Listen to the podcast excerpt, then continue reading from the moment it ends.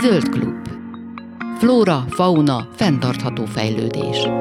A szerkesztő műsorvezető Laj Viktória.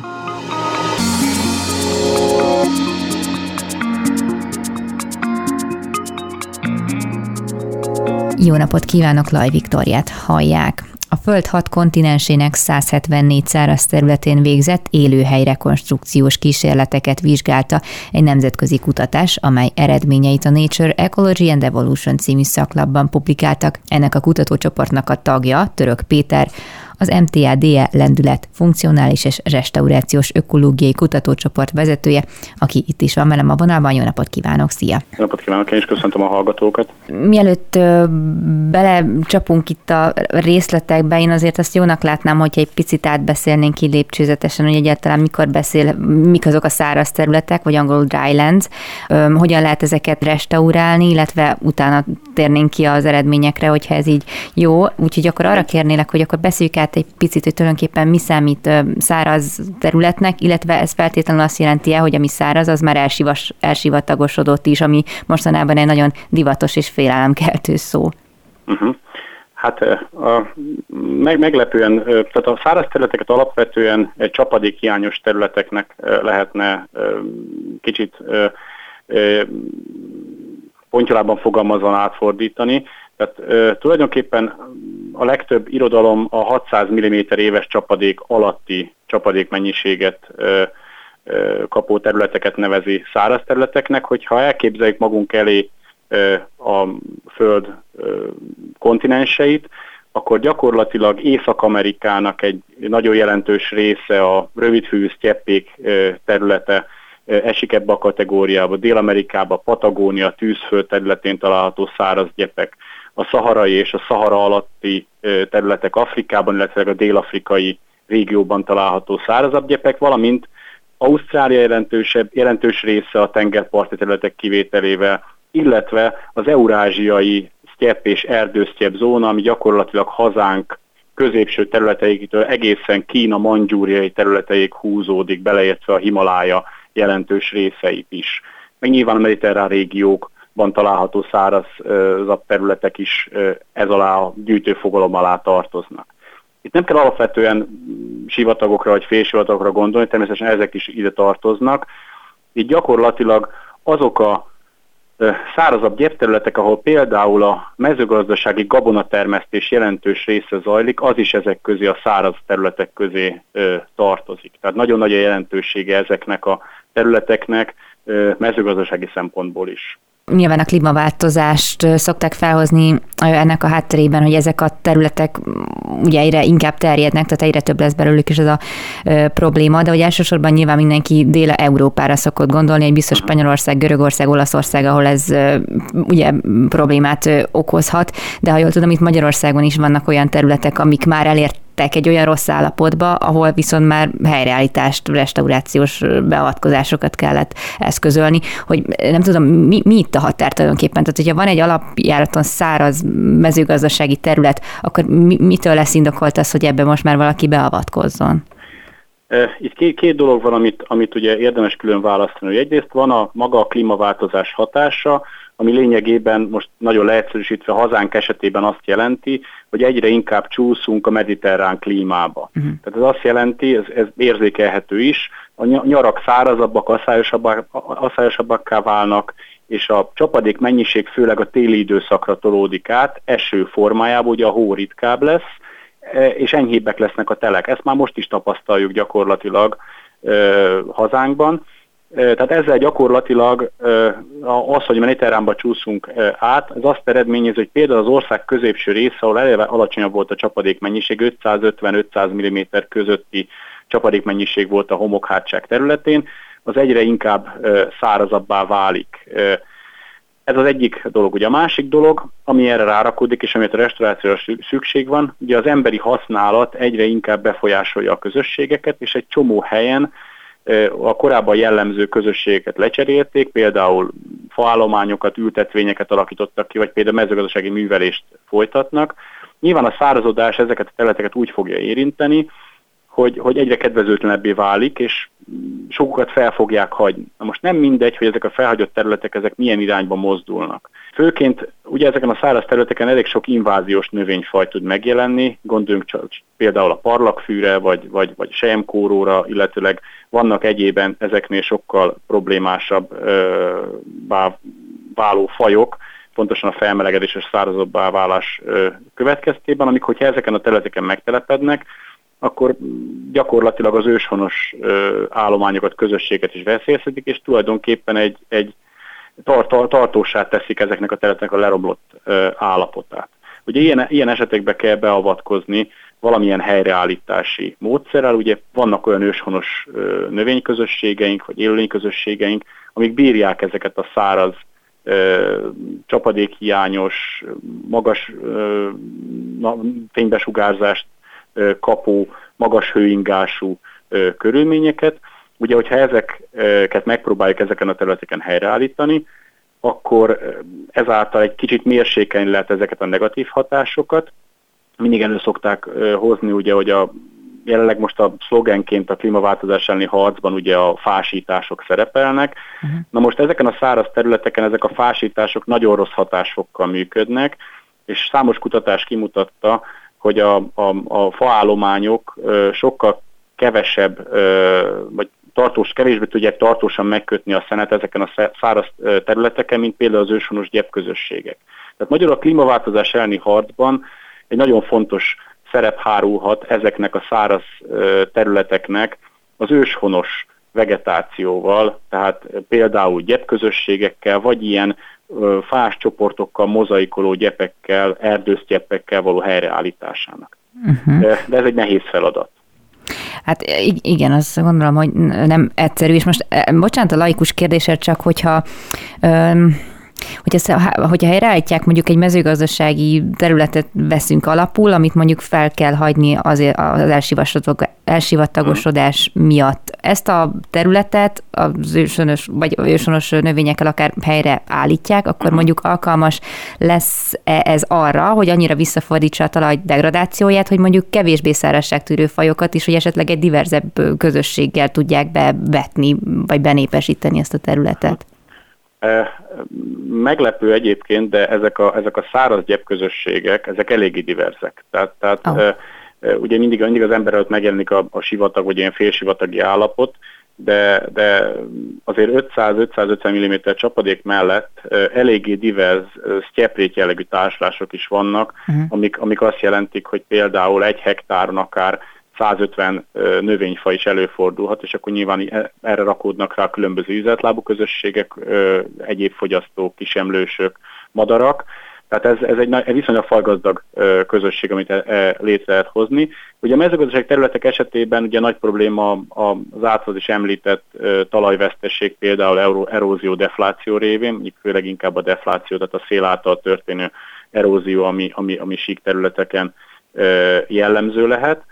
Ugye ezeket, ezek a növényközösségek ezek tartósan ott vannak. Ugye a mezőgazdasági művelésnek az a hátulütője, hogy itt éve, leszámítva ugye a tartós vagy évelő kultúrák termesztését, leszámítva ugye ez évente felszántásra kerül, eltűnik onnan az a közösség, és ugye nem tartós a, a felszínborítottság. Ugye hmm. minden természetes közösség ezzel szemben egy tartós borítást fog eredményezni.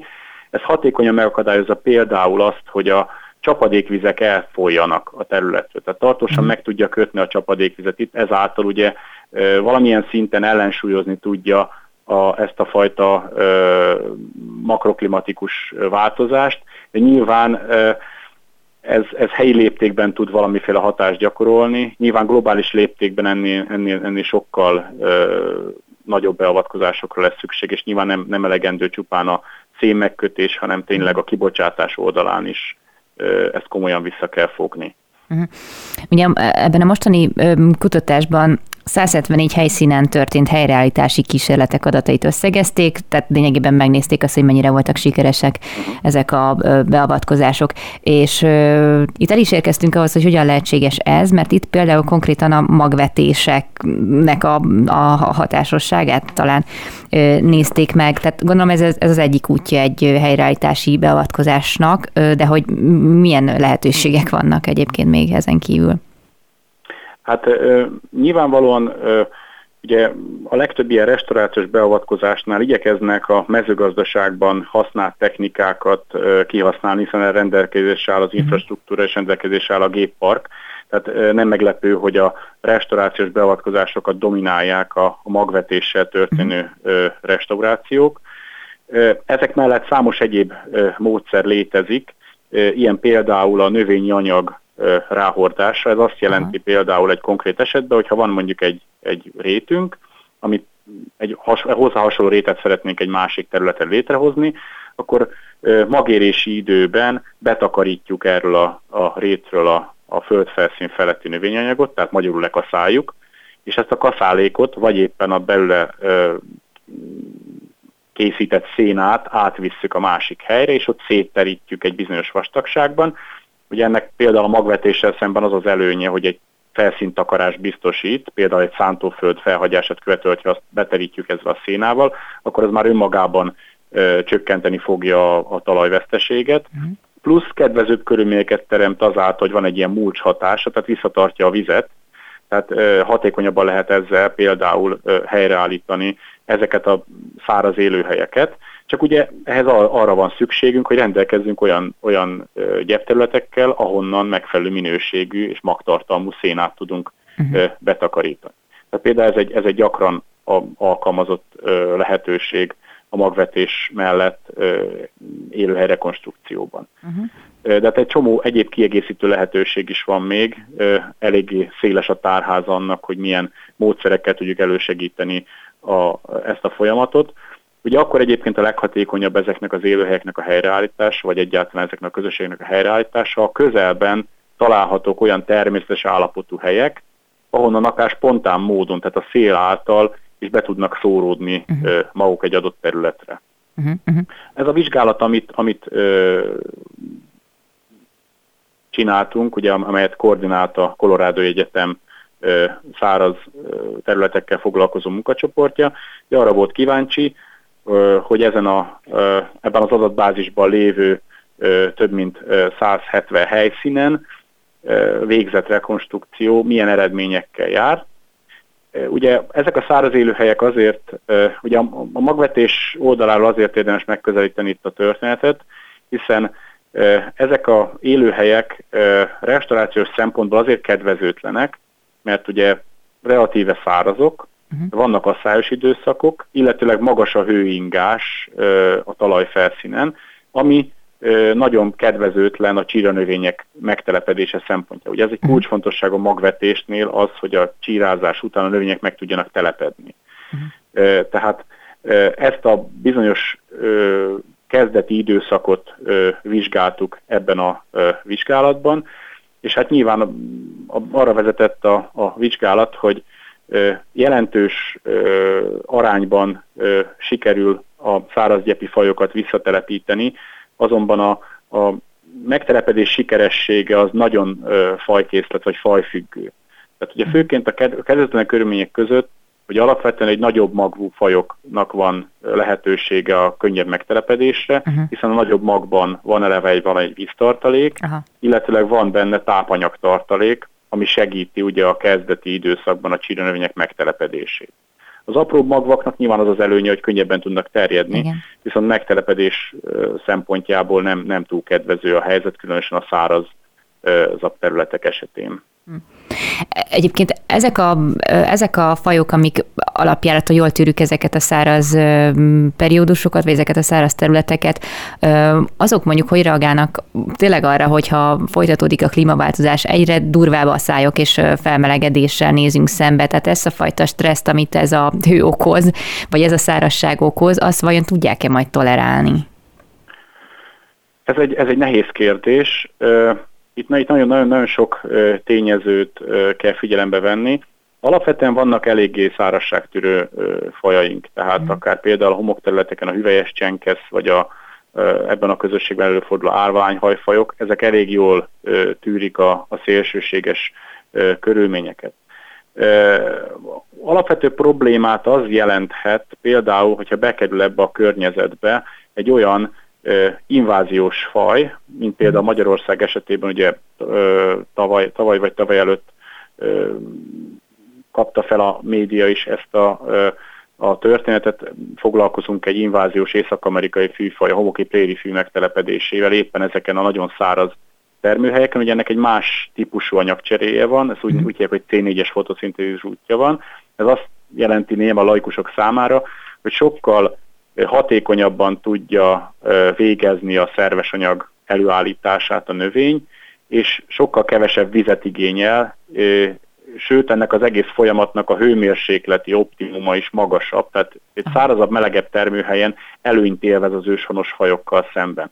Tehát a klímaváltozással, a melegedéssel, hogyha ilyen alapvetően trópusi körülményekhez, vagy száraz trópusi körülményekhez alkalmazkodott füvek tudnak betelepülni, akkor ugye ezek teljesen átírják a játékszabályokat. Tehát még ha azt mondanám, hogy, hogy valamilyen alkalmazkodással rendelkeznek az őshonos fajaink is, ha ilyen inváziós fajok betelepülnek, ez, ez komoly problémát okozhat. Meg hát gondolom itt az emberi beavatkozás sem marad ki teljesen ebből a sztoriból, már hogyha csak arra gondolunk, hogy mondjuk a sok műtrágyázás miatti dolgok, vagy a túlegeltetés, erdőírtás, esetleg a rossz öntözés, hogy azért ezek is hozzájárulhatnak ahhoz, hogy szárazodjanak a, a mezőgazdasági területek.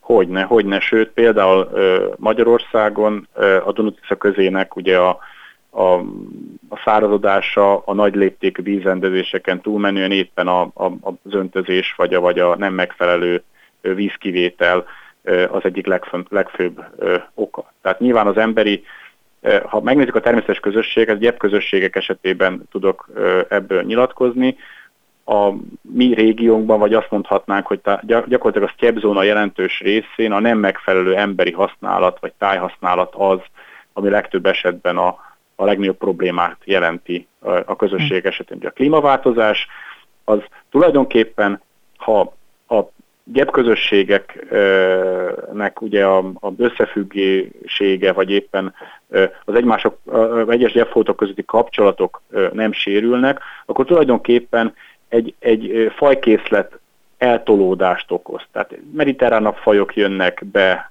délről a területre, de, de a gyepközösségek működése alapvetően nem sérül. Na most, ha erre rájön egy, egy akár egy túllegeltetés, amit, mm. amit említettél, vagy rájön egyéb jellegű zavarás az ember részéről, akkor azért a történet már nem ennyire egyértelmű. Tehát önmagában a klímaváltozás nem akkora probléma ezeken a száraz területeken. Uh-huh. Nyilván a mezőgazdasági területeken, illetőleg az ember által befolyásolt területeken ez komoly problémát eredményez. Uh-uh. Ugye most 2021 és 30 között zajlik ez a helyreállítás évtizede az ENSZ-től indul ki, és ez a Bonn, Bonn kihívás, amiben a keretében országok arra tettek vállalásokat, hogy globális szinten több millió hektár fognak majd helyreállítani. Ez Magyarországra vetít, vagy egyébként mit jelent? Ez egy, ez egy, ez egy nagyon érdekes kérdés. Igazából elfogadták az EU biodiverzitás stratégiáját, amiben szintén hangsúlyos elem lett a, a, a, az élőhelyek helyreállítása, de emellett ugye a klímaváltozással szembeni védelem is. Ebben nagyon kitüntetett szerepet szán az EU különböző fásítási beavatkozásoknak, faállományok létrehozásának. Számos kutató felhívta a figyelmet arra, hogy azért ezzel nagyon vigyázni kell ezekkel a fásítási programokkal, mert, és hát meghatározó gyepökológusok felszólaltak ez ügyben, hogy, hogy igazából az lenne a megfelelő, tehát nem, nem fásítási programként kéne ezeket a klímavédelmi beavatkozásokat, ugye van ez a Trillion Trees programtól uh-huh. kezdve egy csomó ilyen. Nem igazából a fásítás lenne a lényeg, hanem az, hogy az adott területnek, az adott helynek megfelelő őshonos közösséget állítsuk helyre. Ez sok esetben egy gyep közösség, sok esetben valamiféle gyepekkel, fákkal, mozaikos erdősztyebb közösség. De természetesen vannak olyan helyek, például sík területen is az ártéri területek, vagy éppen a hegyvidék jelentős része, ahol nyilván ez egy erdőállományt fog jelenteni. De, de sajnos egyelőre én azt látom a kommunikációban, és azt látom az európai szintű stratégiákban, hogy ez főként fásításként jelenik meg. És hát nyilván ennek egy, egy átvétele látszódik a hazai kommunikációban is. Uh-huh. Hát ez nem, nem túl jó hír akkor, mert azért elég ijesztő képet festenek le, hogy a következő években, hogyha ilyen mértékben ugye folytatódik a talajdegradáció, az mit jelent majd az élelmiszer termelésre nézve, vagy mondjuk az élelmiszer árainak a növekedésére nézve, tehát nem vagyunk egy túl jó helyzetben. És hát ugye, ugye mindig, mindig ugye az ember szeret, szeretné azt hinni, hogy itt csak riogatnak ezzel Igen. a tudósok, mert, mert meg hát a, a média is csak riogat, mert ugye a riogatás az, az, egy, az egy nagyon hatékony stratégia, hmm. de itt, itt sajnos azért erre, erre több, többről, többről van szó, és tényleg, tényleg komoly a helyzet.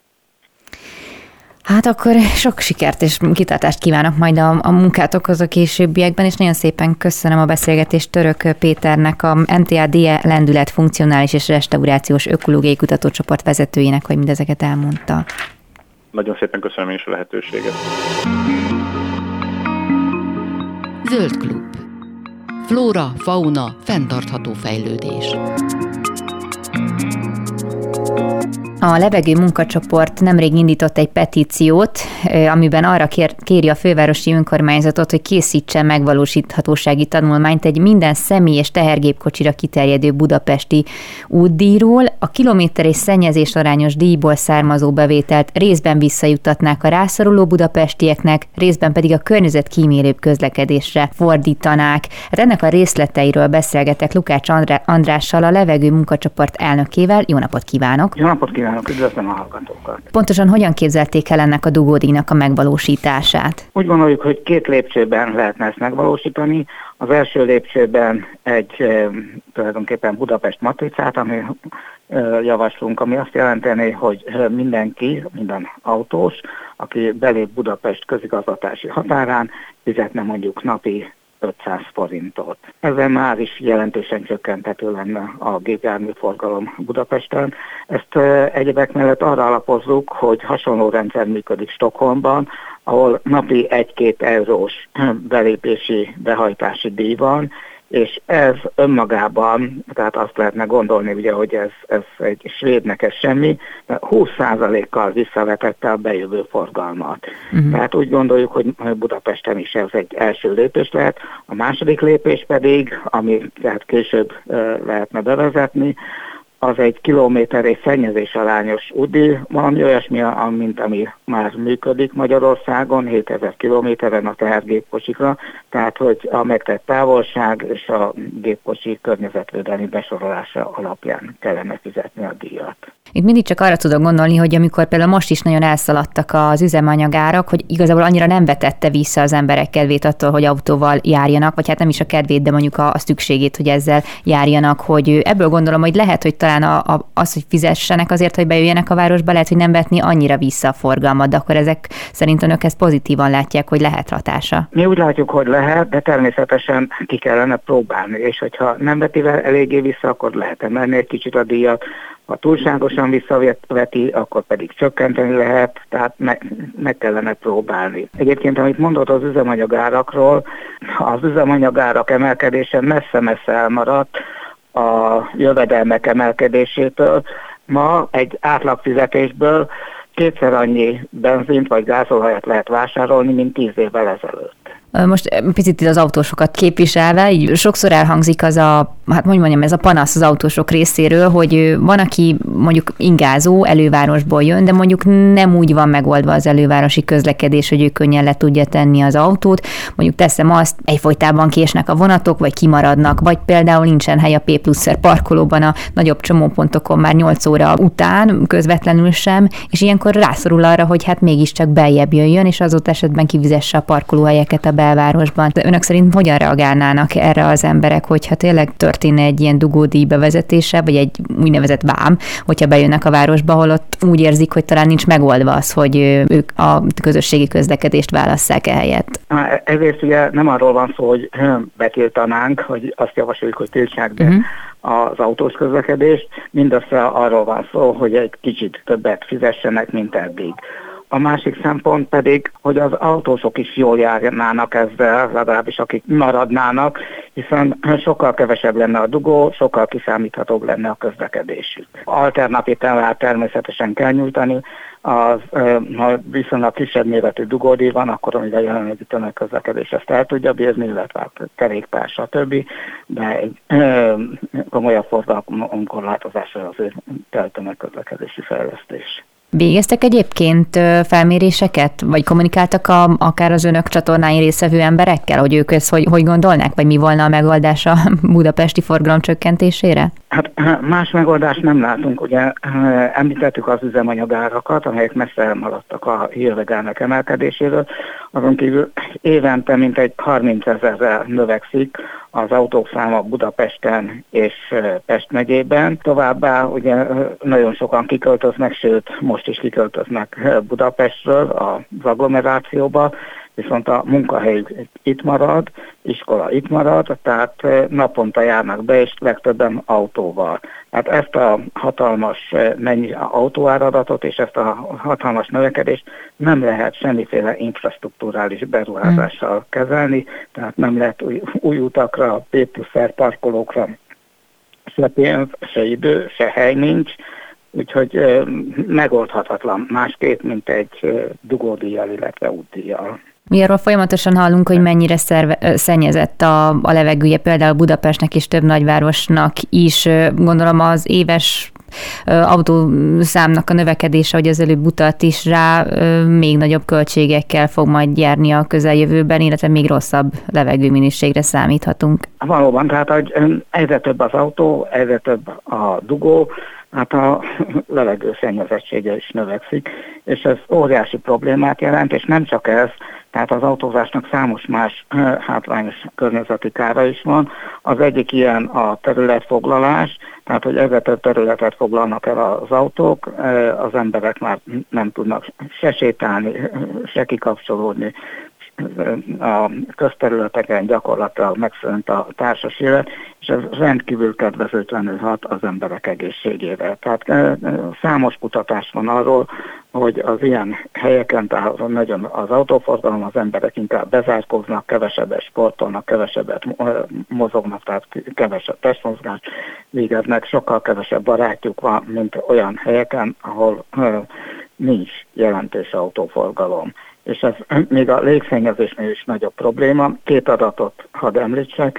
Ma Európában légszennyezés miatt évente mintegy 500 ezer ember hal meg idő előtt, hát ez nem csak a közlekedés, hanem egyéb légszennyezés is, viszont a mozgás hiány miatt egy millió ember veszti idő előtt az életét, tehát ez még úgy tűnik, hogy még a légszennyezésnél is nagyobb probléma. Igen. Azon kívül van még egy rendkívül fontos tényező, amiről most nagyon sok szó van, ez a városi hőszigetek, tehát az, hogy a város belterületén akár 10 fokkal is magasabb lehet a hőmérséklet egy nyári kánikulában, mint a külterületen, mondjuk egy erdős területen. És ez nagyon tervezőtlenül hat az emberek egészségére. Csak erről is egy adatot említeni. Az elmúlt években, amikor ilyen nyári hőhullámok voltak, Budapesten 15-30 százalékkal nőtt meg a halálozások száma. Hát igen, az biztos, hogy nagyon súlyos problémával állunk ö, szemben.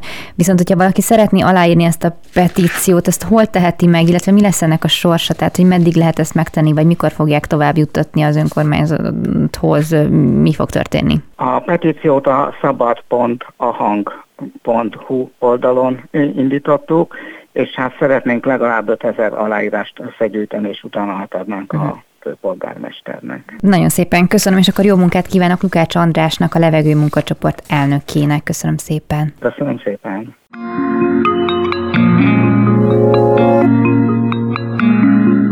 A koronavírus miatti kihagyás után újra megrendezésre kerül a Hárdog rész, ezúttal szeptember 18-án fogják megtartani, új helyszínen és új kihívásokkal. És hát a Hárdog részről igazából nagyon sok éven keresztül beszámoltunk már itt a Klubrádióban voltunk kint is, és minden egyéb dolgon részt vettünk, hogy a hallgatóknak sem idegen teljesen ez a koncepció. A vonalban van velem Púza András, a HDR alapítója. Szervusz! Természetesen üdvözlöm a hallgatókat is. És azért azt még hogy mondjuk el, hogy most Lengyelországban vagy, és minden igaz, ott is egy hasonló akadálypályát építesz? Uh, igen, hát a, a Hardogris uh, már nemzetközivé nőtte ki magát. 2017 óta már Lengyelországban és 18 óta Csehországban rendezünk versenyt. És sajnos a koronavírus miatt ez most egy nagyon uh, sűrű programra sikeredett nekünk most szombaton lesz egy Lengyelországi versenyünk, rá egy hétre egy Csehországi versenyünk, és utána szeptember 18-án pedig egy Magyarországi versenyünk, tehát egy hete eljöttünk otthonról két terautóval, és kvázi egy ilyen rockzenekar turnét csinálunk tulajdonképpen a srácokkal. Uh-huh, nagyon jó, nagyon jó. Ugye ezt mondtam a felvezetőben, hogy új helyszínen fogjátok most megrendezni. Hol van ez az új helyszín, hogy mi alapján választottátok éppen ezt? Miért kellett egyáltalán átköltöztetni? Ez az új helyszín egy Vád, Vádduka, nem messze Budapesttől. A Váddukai helyszín tulajdonképpen azért született, mert igyekszünk mindig új és változatos pályákat adni a, a versenyzőinknek, uh-huh. és az előző pályáinkat, ahol voltunk, úgy szoktuk így frankben mondani, egymás közben meg kimaxoltuk, tehát igazából nem tudtuk volna új útvonalat uh, kitalálni, új útvonalat kijelölni, és én fontosnak tartom a változatosságot, hogy mindig új élményt adjunk a versenyzőknek. Vázduka pedig onnan jött, hogy a, a Retriever Fajtamentő Egyesület, akikkel nagyon jó baráti és szakmai kapcsolatot ápolunk, ők ajánlották nekünk ezt a, a helyszínt, uh-huh. az egyik, egyik lelkes önkéntesük ott lakik Vázdukán. Bemutatott minket a polgármester úrnak, aki nagy szeretettel fogadta a rendezvényt, Vázduka támogatja, Megnéztük, mi is beleszerettünk egy nagyon szép hely, és tulajdonképpen így, így esett rá a választás, tökéletesen megfelel a, a kívánalmainknak. Mm, de milyen új elemeknek, vagy elemeket akartok majd beépíteni, aminek meg kellett felelni, vagy amihez változtatni kellett? Mitől lesz ez más? Itt, itt igazából elsősorban a terepről van szó, tehát maga változatos legyen a terep. Uh-huh. Már régi koncepciónk a hárdogrészben az, hogy szeretnénk szép helyeken futni, uh-huh. tehát hogy a terepfutás maga egy olyan környezetbe zajlódjék le, ami öröm, öröm az embernek, főleg, hogy a városi ember kiszabadul, akkor a természet szépségével találkozom. És hát itt azért szeretjük az emelkedőket, szeretjük a le, le, leítőket, tehát egy jó, jó nehéz pályát szeretnénk összerakni. Ez elsősorban a, a, az alap, alaptétel, aminek meg kell felelni. Újdonságokat kérdezte, hogy lesznek még újdonságaink ebben az évben, akadályban is vannak uh, kis újítások, kis ötleteink, de uh-huh. maradjon meglepetés a versenyünk, ezt nem, nem szeretném ellőni egyelőre. Jó, azt viszont valószínűleg ellőhetjük, mert ez mondjuk a nevezés szempontjából fontos, hogy egy kutyával két gazdi is futhat majd egyszerre, hogyha minden igaz. Erre már jöttek visz, vagy igények esetleg az előző évekből, hogy legyen ilyen? Igen, igen, valóban nagyon szépen köszönöm, hogy felhoztad. Ez, ez, egy, ez egy nagy újításunk, egy nagy próbálkozásunk idén. Ugye a régi kérdése volt a versenyzőknek, hogy jaj, hát egy családban csak egy kutya van, bár csak mm. verseny így futni, és létrehoztuk ezt a 3 in one, vagyis a három az egyben kategóriát, tehát hogy három családtag mutat együtt tulajdonképpen, hát ugye itt a két ember és az egy kutyára gondolok. Uh-huh. Nem kell feltétlenül a családnak, tehát barátok, barátnők is összeállhatnak vagy akár párok is, tehát hogy nem nincs ez kikötés a családtagnak lenni. Az a lényeg, hogy két ember futhat egy kutyához. Nagyon pozitívak a visszajelzések, és nagyon nagy sikere van ennek a ezek az új, új kategóriának. De egy kutya csak egyszer futhat, gondolom, tehát nincsenek olyan elvetemültek, akik mondjuk ö, megpróbálták benevezni a kutyát mondjuk több futamra is, hogy esetleg, ami még nem volt erre lehetőség, a család több tagja is, vagy a barát több társaság több tagja is mehessen. Többek között ezért is hoztuk részt ezt a kategóriát, mert volt rá igen, de volt, aki benevezte ilyen a kutyát több körre. Ilyenkor hm. mindig azt tudtuk mondani szakmai tanácsként, és nem is hagyjuk az önnevezést, amiben túl hajtják, hogy túl erőltetik a kutyát, hogy vagy olyan kutyáról legyen szó, ami annyira sportos, hogy bír több kört, uh-huh. azért vannak fajták, amik meg, meg se kosztjan, hogyha kétszer 6 kilométert így uh-huh. egybe gyorsan le kell tolnia, hiszen azért van nekünk csak sajnos 2019 óta tudtuk elrendezni, azért van nekünk 12 kilométeres versenyünk, ami, ami egy kutyával megy, tehát azért ez nem olyan megerőltető egy kutyának, uh-huh. de, de azt szoktuk mondani, hogy mindig a kutya igényeit kell figyelembe venni, és így ez hívta életre tulajdonképpen ezt a három az egyben uh-huh. kategóriát. Ugye hogy ne kelljen így több kört futni a kutyának. Bár sok kutya élvezi ezt. Igen, de hát egyébként nem tudom, hogy, mert amikor kint voltam a legutóbb, kutyával voltam, és akkor ha minden igaz, akkor pórázzon tartás volt kötelező talán, de hogyha, nem tudom, jól emlékszem-e, de hogy egyébként lesz lehetőség még lemozgatni valahol az állatot, ha mondjuk kevés volt neki a 6 kilométer? Hát a szabály továbbra is az, hogy nem lehet szabadon engedni a rendezvényeinken a kutyát, tehát vagy pórázon kell lennie, ha pedig, ha pedig fut a kutya, akkor ugye a futóövet hámmal uh-huh. javasoljuk. Azon kívül pedig hát szerintem azért egy 6 kilométeres futás után nem nagyon kell lemozgatni tűzbe a kutyát, egy-két elvetendőkebb van csak, aki ettől nem fárad el, vagy nem nyugszik le, de első, első a biztonság nálunk, tehát most képzeld azt, hogy 3-4-500 kutya otthon egyszerre, és akkor Persze. elengedjük őket. Hát igen, azért lehetnek ebből konfliktusok. Nem csak abból jutott eszembe, hogy az én kutyám az pont ilyen, hogy 6 kilométeres futás után még menne három kör, de hát akkor lehet, hogy ki, bérbe kéne adni egy ilyen hárdog részen. Jó, nyilván most csak viccelek. De hogy pont ez, hogy rengeteg kutya vesz részt ezen az eseményen, semmiféle ellenérzés nem volt ilyenkor, vagy nem volt még eddig, amikor új helyszínre mentetek a, a, a helyi településen, hogy azért ez mégiscsak túlzás? Nem, nem, mert egyrészt nagyon szerencsére kutyabarát nemzet vagyunk, és eddig, ahol rendeztünk versenyt, mindig nagyon pozitívan fogadták, és általában ilyenkor azért a helyi önkormányzatokkal mindig együttműködünk. Tehát az az önkormányzat, aki nem szívesen fogad minket, ott mi nem is rendezünk versenyt, csak ott ahol szeretettel és tártharokkal fogadnak minket.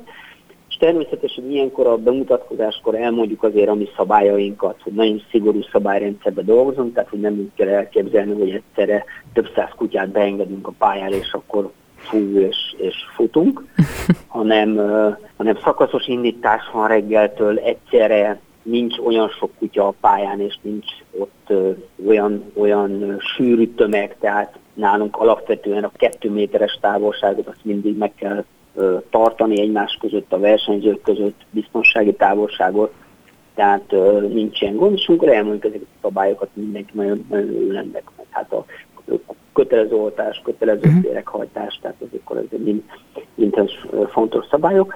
És hát van egy alapvető kutyatartási kulturális szint, amit azért elvárunk a versenyzőinktől, nem várunk egyebet, mint hogy normális és tisztelt és kultúráltan viselkedjünk egy rendezvényen, amit amúgy is megteszünk, bízom benne a hétköznapokban, és amúgy is megteszünk emberként, mint egy normál kutya mentes futóversenyen is ugyanúgy. De egyébként az embereknek, hogyha már az oltásokat szóba hoztad, lesz valami kritérium, hogy mondjuk oltási igazolványjal mehetnek be, vagy milyen intézkedések lesznek most itt a vírus miatt? Nem, azt az intézkedést hoztuk, hogy betartjuk természetesen maradéktalanul a éppen hatályba lévő jogszabályokat. Ennek tükrében szerveztük meg az eseményeket, hiszen több eseményről van szó, mert három versenyt rendezünk aznap a létszámlimit miatt. Uh-huh. Szünetek lesznek a, az események között, tehát nem egyben lesz az egész, hanem nem megy az egyik.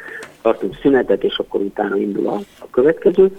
Így nem kötelező a védettségi igazolvány a, a versenyen, viszont felhívjuk a versenyzőink figyelmét természetesen a távoltás, távolságtartásra, a higiéniai szabályoknak a, a betartására, valamint mi a HDR csapat mondhatni, hogy oltáspártiak vagyunk, tehát én magam is be vagyok oltva, és én erre bíztatok mindenkit egyébként, hogyha, hogyha teheti, akkor, akkor olt, oltassa be magát, és a munkatársaink majd része is, és, és rendelkezik oltásról, de azért most idézőjelben mosolyogtunk, mert nyilván nem egy mosolyogni való helyzet, sajnos az egész hm. ö, tragédia, amit ö, történik velünk, de, de nálunk ez a kettő méteres távolságtartás alapban kezdetek óta benne van a, uh-huh. a versenyszabályzatban, tehát ezt elvárjuk a kutyák miatt, ezt a távolságtartást. Uh-huh.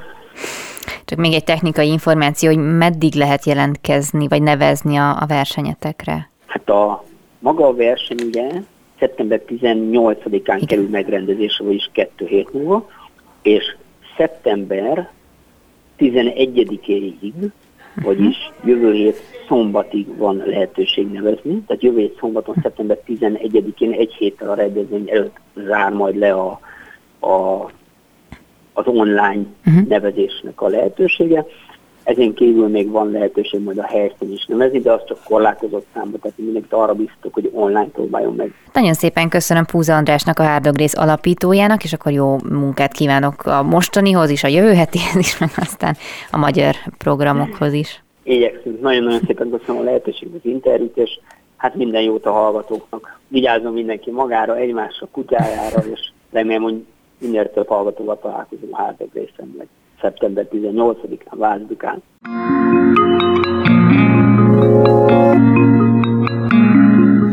És akkor még egy kis programajánló a végére.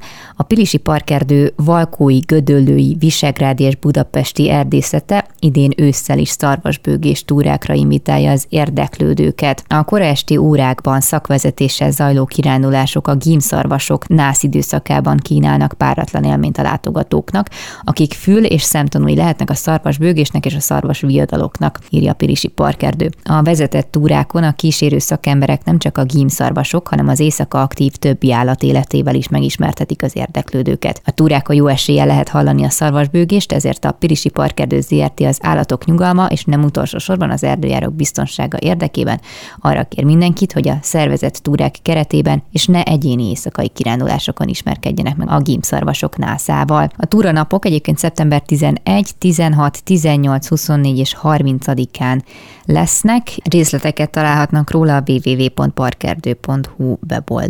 Én pedig köszönöm a figyelmüket, és további kellemes rádióhallgatást, aztán persze jó hétvégét kívánok. Laj Viktoriát hallották, viszont hallásra.